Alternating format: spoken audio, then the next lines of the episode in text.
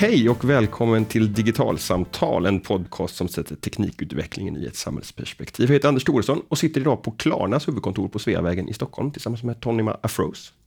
Hej Tonima! Hej! Du är mjukvaruutvecklare här på Klarna, men också forskare inom maskininlärning och fördomar inom maskininlärning vid eh, University of Oxford. Och det här ska bli ett, ett, ett, avsnitt, ett samtal som handlar just om artificiell intelligens, maskininlärning och de fördomar som, som kan dyka upp när vi outsourcar allt mer utav beslutsfattandet i samhället och näringslivet till, till artificiell intelligens och maskininlärning. Vi kan börja med liksom en sån definitionsfråga. Vad är bias i algoritmer för någonting? Vad, vad är det du har, har, intresserat dig för i din, i din forskning?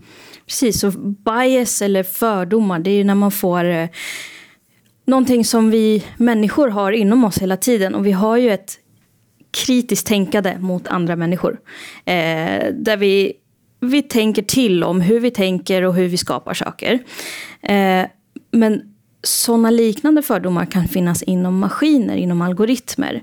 Och de behöver inte nödvändigtvis vara neutrala. Eh, för att de kan ha samma typer av fördomar som vi människor har inpräntade i dem. Och det är just det som jag eh, har forskat på. Hur, hur uppstår de här fördomarna? Hur, hur, flyttas de från oss människor in i tekniken? Så i princip i vilket beslutssystem som helst, automatiserat beslutssystem, så kan man få sådana här fördomar. Och när man pratar om maskininlärning, då blir det ännu svårare att hitta dem. Just för att man matar ett system med data, det bygger på statistik. Eh, och sen så förväntar man sig ett, ett svar, kan man säga. Och då är det liksom inte lika transparent som andra eh, mer traditionella algoritmer. Och det är där man kan få sådana här typer av biases. Kan du förklara för, maskin, eh, för lyssnarna lite mer om vad maskininlärning faktiskt är? För det är ett väldigt viktigt grundläggande begrepp för att förstå den här biasen, den här fördomarna som uppstår. Absolut. Man kan väl enkelt säga att maskininlärning är en matematisk modell som man matar med data och statistik. Eh, om vi skulle ta ett exempel med eh, katter. Så att vi vill skapa en eh, maskininlärningsmodell som kommer att tala om för oss om Eh, ett objekt är eh, en katt eller inte. Givet att vi ger den en bild. Så då matar vi den med jättemånga bilder på katter och talar om att det här är en katt och det här är också en katt på varje bild. Eh, och så får vi se till att ge data som inte är katter och säga till att men det här är inte en katt. Och då ska den liksom lära sig utifrån de här bilderna vad som är kännetecknande för en katt. Till exempel ja, formen på öronen, näsan, ögonen och så vidare. Och då ska den kunna ta ett eget beslut i en ny situation efter att den har lärt sig. Så då, då om vi ger den en ny bild på en katt så ska den kunna tala om för oss att jo men det här är en katt eller det här är inte en katt. Det låter lite grann som man kan tänka sig att, att små barn lär sig saker och ting och känna igen omvärlden. Att de exponeras för en katt tillräckligt många gånger för att kunna särskilja en katt från en hund. Precis. Precis. Och det som, eh, vad man kan få bias i det här, det är ju att på, lite på samma sätt som, som barn, att eh, vi lär en ju saker, vi, vi, vi ger en information, men den kan dra egna slutsatser som inte vi hade tänkt oss. Så om vi tar kattexemplet igen så kan det vara att eh, vi gav den jättemånga bilder på katter, men vi tänkte inte på att alla katterna som vi gav den satt på en matta. Så om vi då ger en, eh, en katt som, som sitter i ett träd, då kanske den inte känner igen den, för den har inte alls lärt sig hur en katt ser ut baserat på öronen eller ögonen, utan den har bara fokuserat på mattan. Mm. Eh, så det kan vara sådana konsekvenser som inte vi har tänkt på när vi gav den eh, indata. Mm. Och är det det som händer då när, när vi flyttar in den här lär, lärprocessen, titta på data, titta på data tills jag hittat mönster i, i en dator. Att vi kan inte vara säkra på vad det egentligen är som, som maskinen har, har liksom baserat sina, sina slutsatser på, men också att vi måste se till att vi har en, en, en bra representation då, så att det inte bara är, är, är randiga katter och så, och så kommer den tro att en zebra också är en katt. Precis. Det är precis det som är, är problemet eller svårigheten. Ja. Då, då, då, får jag två följdfrågor på detta egentligen. Det, det, det första är ju, vad får den här typen utav, utav bias för, för konsekvenser? Vad, vad, vad, kan bli resultatet av det? Vi, vi börjar med den frågan så kan vi ta nästa fråga. Okej. Ja. Eh, ett exempel är att eh, inom Google Photos, du vet när man tar ett kort med, med en eh, Android-kamera, eh, så kan den ju tagga ens bilder med vad som finns i bilden. Och för några år sedan så taggade den en bild på två svarta vänner som gorillor. Eh, och det var ju typiskt dåligt. Eh, ehm, och det är liksom ett exempel på vad som kan hända, eller hur, vad som kan hända. Liksom. Eh, och det är väldigt svårt. Det kan vara dels för att de hade dåligt data, indata. Men de har faktiskt undersökt det här och det var inte det enda. Utan dels är det väldigt svårt med ansiktsigenkänning just för att eh, alla människor ser så unika ut. Och sen så finns det mycket historiska skäl till att just den här eh, kopplingen inte är okej. Eh, det skulle kanske mest vara kul om man hade taggat ett barn som en säl. Det är liksom, det är Det, inte blir, lika... det blir en gullig, rolig historia det. Precis, det är inte problematiskt. Men det vet ju inte en algoritm. Nej. För vi har inte, vi har gett den bilder kanske, men vi har inte lärt den sådana saker Nej. som vad, vad är den mänskliga kontexten? Nej. Och etik och moral blir ju en, eh, liksom, någonting som ligger vid, vid sidan av det egentligen. Då. Alltså ma- maskininlärningsalgoritmen kan inte ta hänsyn, precis som du säger, till, till de, de Ja, precis. Och sen eh, ett annat exempel, eller en annan anledning som de hittade var att eh, bildkalibrering och färgkalibrering har alltid eh, gjorts för ljusa hudfärger. Så om du har en halvdan mobilkamera och tar ett kort så kommer det bli eh, helt okej för en ljus person. Men det kommer bli en mycket sämre bild på en mörk person om du inte har en väldigt bra kamera. Så det gör ju också att den data vi matar den alla bilderna kanske blir mycket bättre för vissa personer än andra personer. Så där skapar te- tekniken, liksom i steget innan när vi skapar träningsdatan, Ja. så, så finns det också Exakt. eh, mänsklig bias i, i hur, hur tekniken är kalibrerad att, att fungera i olika situationer beroende på hu- hur motivet ser ut. Ja, och det är det som gör det så komplext. Det var innan, det var med hur bilderna blir, det var innan med historisk kontext och sen så hur vi har lärt den, hur eh, ansiktsigenkänning funkar och så vidare. Mm.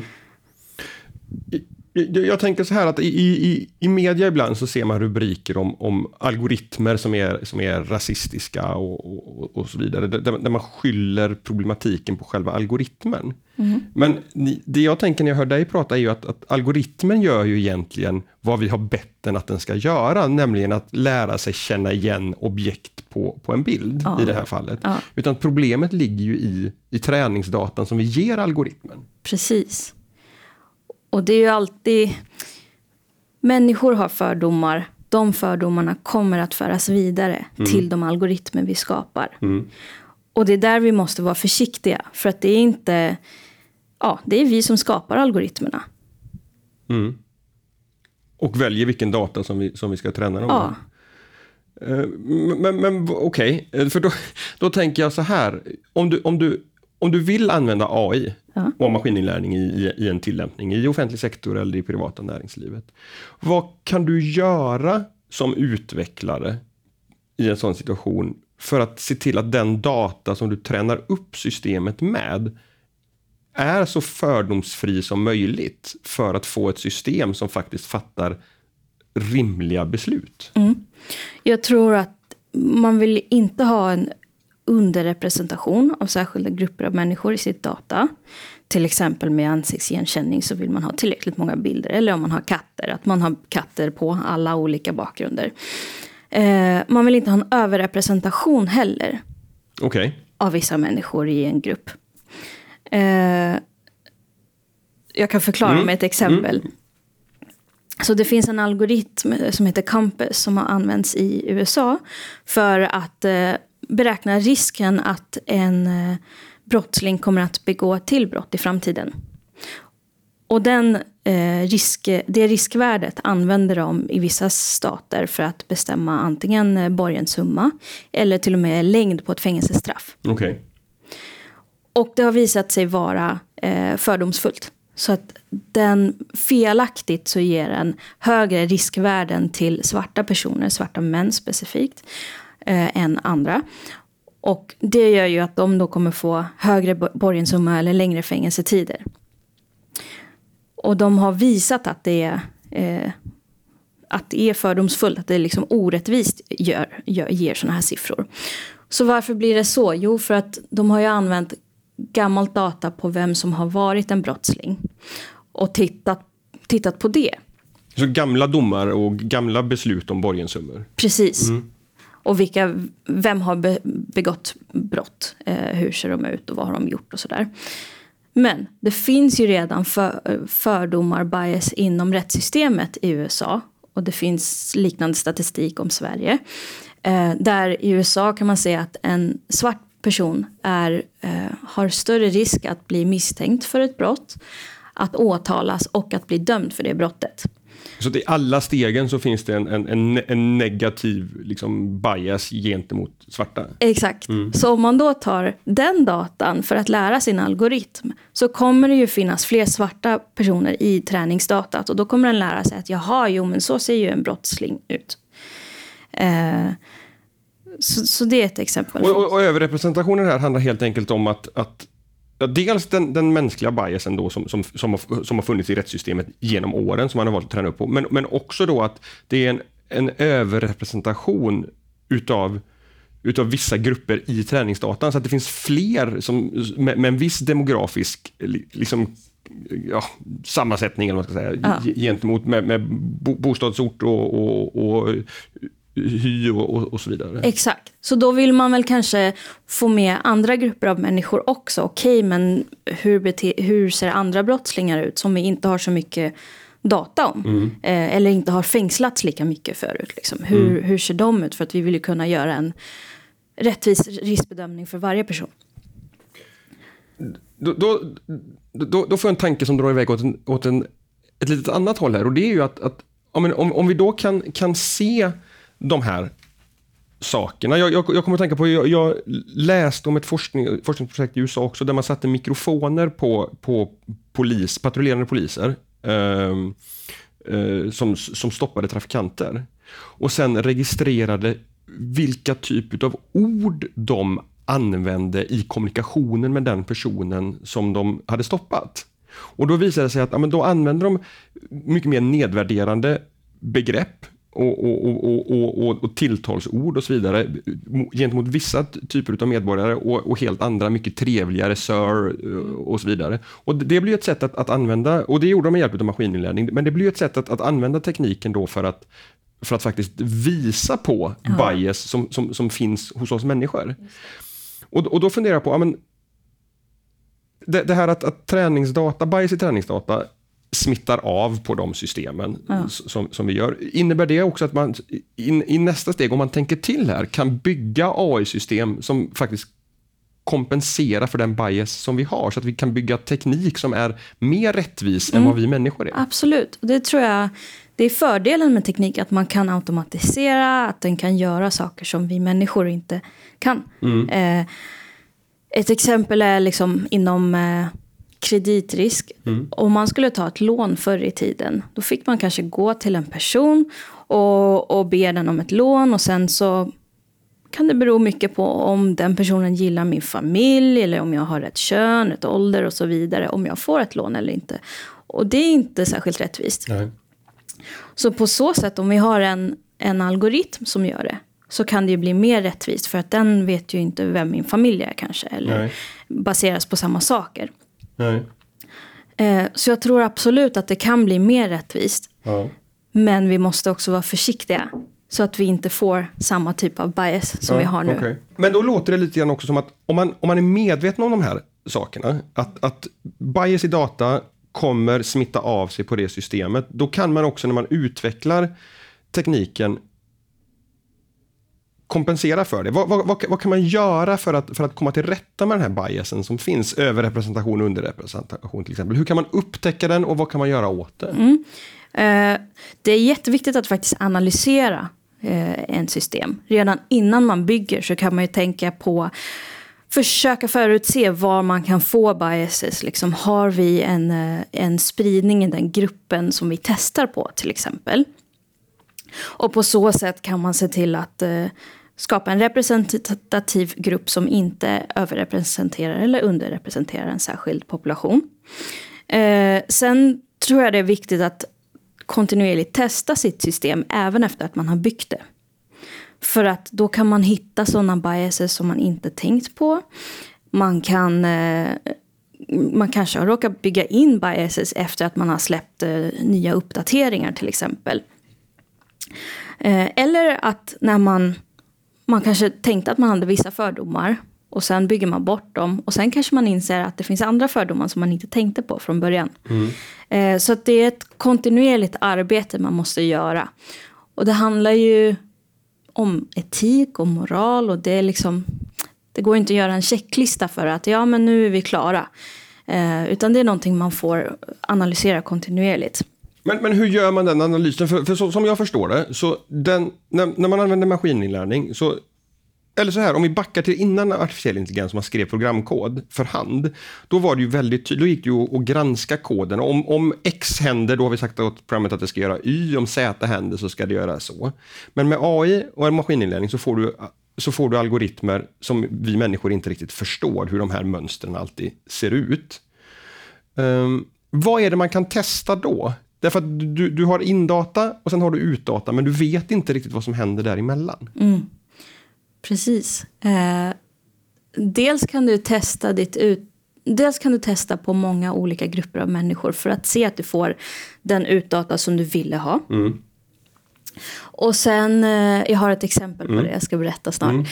Mm. Eh, och sen finns det sådana här verktyg som jag nämnde förut som, som kan hjälpa att hitta biases. Och de funkar ungefär så att du ger en indata mm. eh, som du har haft till din algoritm. Och eh, då kan du ha information om varje kund eller varje användare. Eh, som eh, ja, kön till exempel om du vill titta på bias kring kön. Och sen kommer den här, det här verktyget titta på ditt utdata och se om det finns det någon koppling mellan eh, vad man ger för svar och vilket kön personen hade. Just det, så då, då, då gör man en, en, en, en omfattande dataanalys på resultaten. Precis. På, och, och, titta på de variablerna som man är in, intresserad av att bygga bort bias för. Precis, ja. det är ett sätt.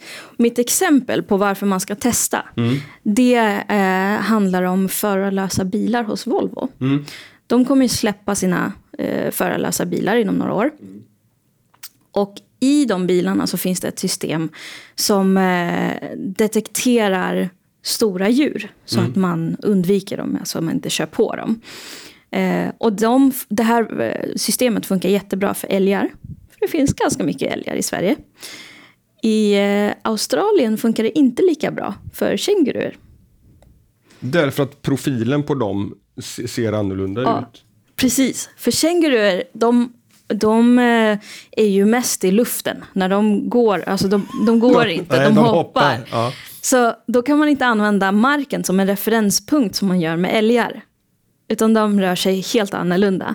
Eh, och ändå är liksom 90% av alla bilkollisioner i Australien är just med kängurur. Okay. Så mm. det är mm. väldigt viktigt. Mm. Eh, som tur har de ju testat deras produkt innan de släppte den på marknaden. Så de har hittat det här och de har, eh, de har sagt att de kommer kunna detektera kängurur mm. innan de släpper bilen. Så det mm. är, jättebra. Mm. Men det viktiga här är ju att de har faktiskt testat den i olika miljöer. Mm. Och, och, och, och, och te testet bli, blir ju på något sätt det, det, liksom det kvittot du kan få på, på om, om, algoritm, om, om modellen har blivit bra eller dålig. Ja. Eh, just för att du kan inte granska modellen utan du kan bara granska utfallet utav den. Precis. Man kan ju tänka på innan man skapar algoritmen kan man ju tänka på vilka, eh, vilket data man använder. Mm till exempel använder vi kön i den här algoritmen? Använder vi etnicitet? Använder vi ålder? Kan det medföra någon risk mm. att vi har någon orättvisa på grund av de sakerna? Så man kan ju bara ta bort dem eh, och inte använda dem i den här maskininlärningsmodellen. Mm. Det är ett sätt. Det kan hjälpa ibland, men inte nödvändigtvis. För att eh, de här känsliga eh, egenskaperna kan ju kanske härledas från något annat.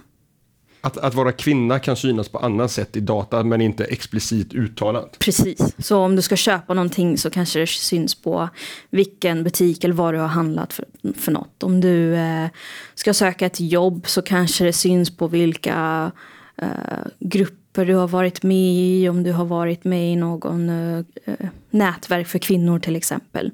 Då är Såna du inte man.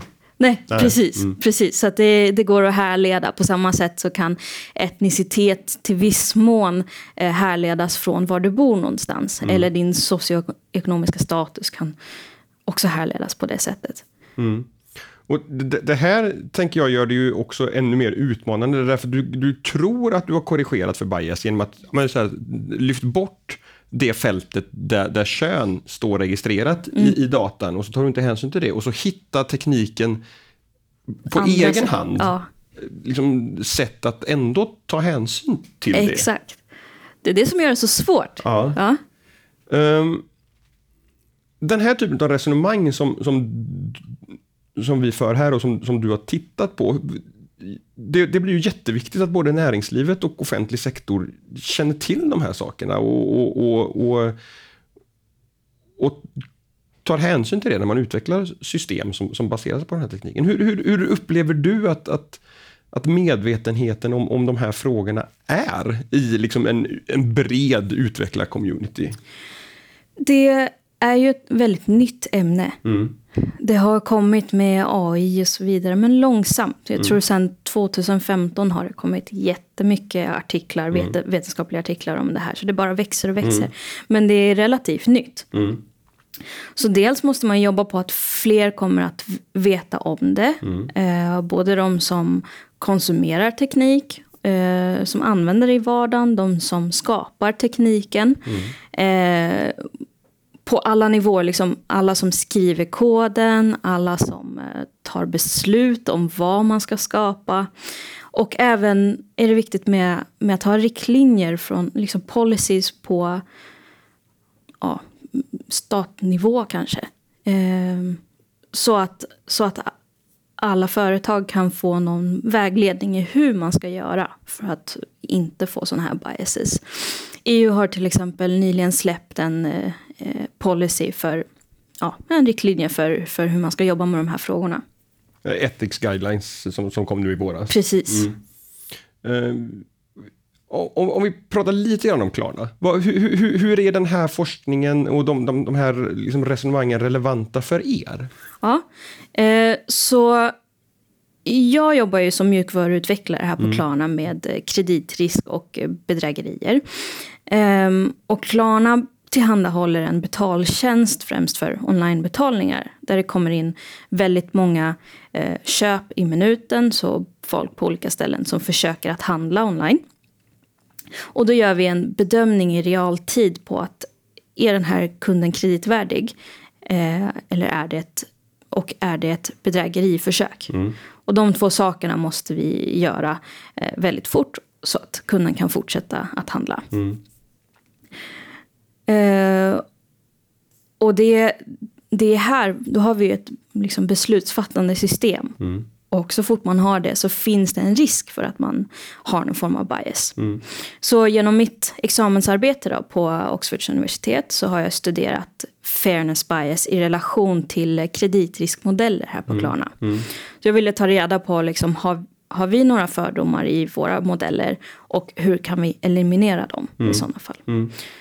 Och hittills så har jag undersökt en sån liten del att eh, det inte går att dra några slutsatser. Men det är ett viktigt arbete som vi ska fortsätta med. Och sen mm. baserat på vad jag hittar så kan vi justera våra algoritmer mm. om det behövs. Och var, var, varför blir det viktigt för, för Klarna att, att göra den här typen av kreditbedömningar snabbt men också utan, utan bias. Vilka, vilka konsekvenser får det för, för, er om ni, om, om ni har massa bias i, i de algoritmerna som, som ni använder? Dels så... Ja, man vill ju inte vara orättvis mot, mm. mot någon kund. En, en, en, etisk aspekt i det liksom. Ja. Mm. Eh, och sen så tappar man ju såklart kunder också om man inte kan ta rätt beslut på dem. Mm. Mm. Och, och ni tappar kunder om, om ni gör, näkar och samtidigt om, om ni på grund av bias släpper igenom köp så, så tar ni en egen kreditrisk. Risk, så, ja. så det gäller att hamna, hamna rätt där. Absolut. Ja. Och det är liksom, maskininlärning funkar ju så att man gör generaliseringar för att förstå en större population. Det, Mhm. det är så det funkar. Och, eh, det i sig är ju inte dåligt, men det är när det blir orättvist Mm. som det är dåligt. Och det är det vi försöker undvika. Mm om, om, om, man, om man blickar, blickar framåt, tror, tror du att liksom de här... Kommer vi se den här typen av beslutssystem på allt fler ställen? Därför att det, det, de kommer successivt bli bättre. Vi kommer successivt hitta sätt att kompensera för bias. Så att vi kommer inse att det blir bättre för maskinbeslut än, än mänskliga beslut. Därför att vi, precis som vi var inne på tidigare, lyckas faktiskt bygga bort mycket av den biasen som vi har i offentlig sektor eller i näringslivet med hjälp utav, utav de här sakerna. Kom, kommer det gå åt det hållet tror du? Jag hoppas det. Mm. Eh, ja, det, det blir inte riktigt, riktigt hållbart tror jag om man bara bygger system och inte tänker på de här sakerna. För Nej. då plötsligt så funkar det inte för eh, stora delar av populationen. Eller ja, det, fun- det beror på. Jag menar det är viktigt att man faktiskt tar det här på allvar. Och att man försöker komma till rätta med det. Mm. För att annars är det väldigt många som kommer att lida av det. Mm. Just för att ja, det är redan många som lider av fördomar mot sig såklart. Eh, i, i, I samhället idag. Men när det ligger i en maskin, i en algoritm. Så tror man att det är neutralt och därför kritiseras det inte. Och dessutom så förstärks alla fördomar i en maskin. När man har ett maskininlärningssystem då, då lär den, ju, den fortsätter att lära sig eh, med tiden. Ju mer data den får. Så på så sätt kan den förstärka sina biases. Eh, och det är jättefarligt.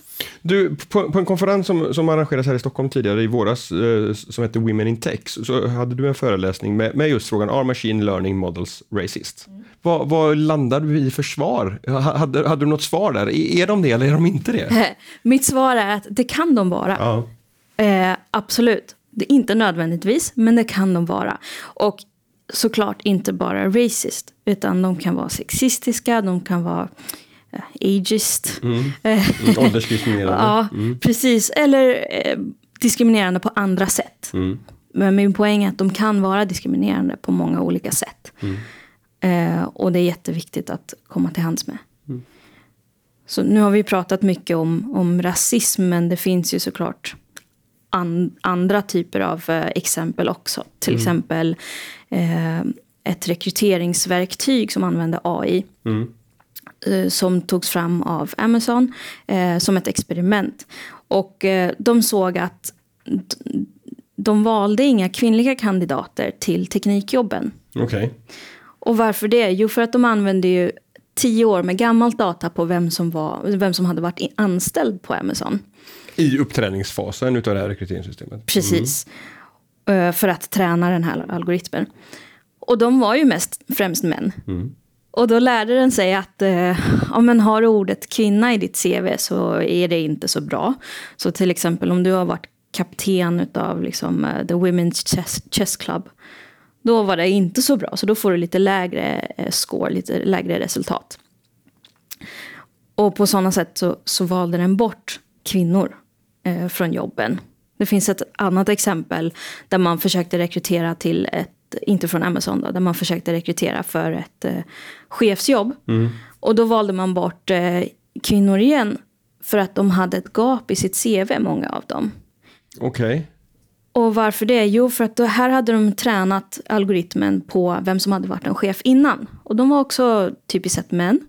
Eh, och då om det var någon man som hade haft ett glapp i CVt så visade det sig att det blev inte en bra chef.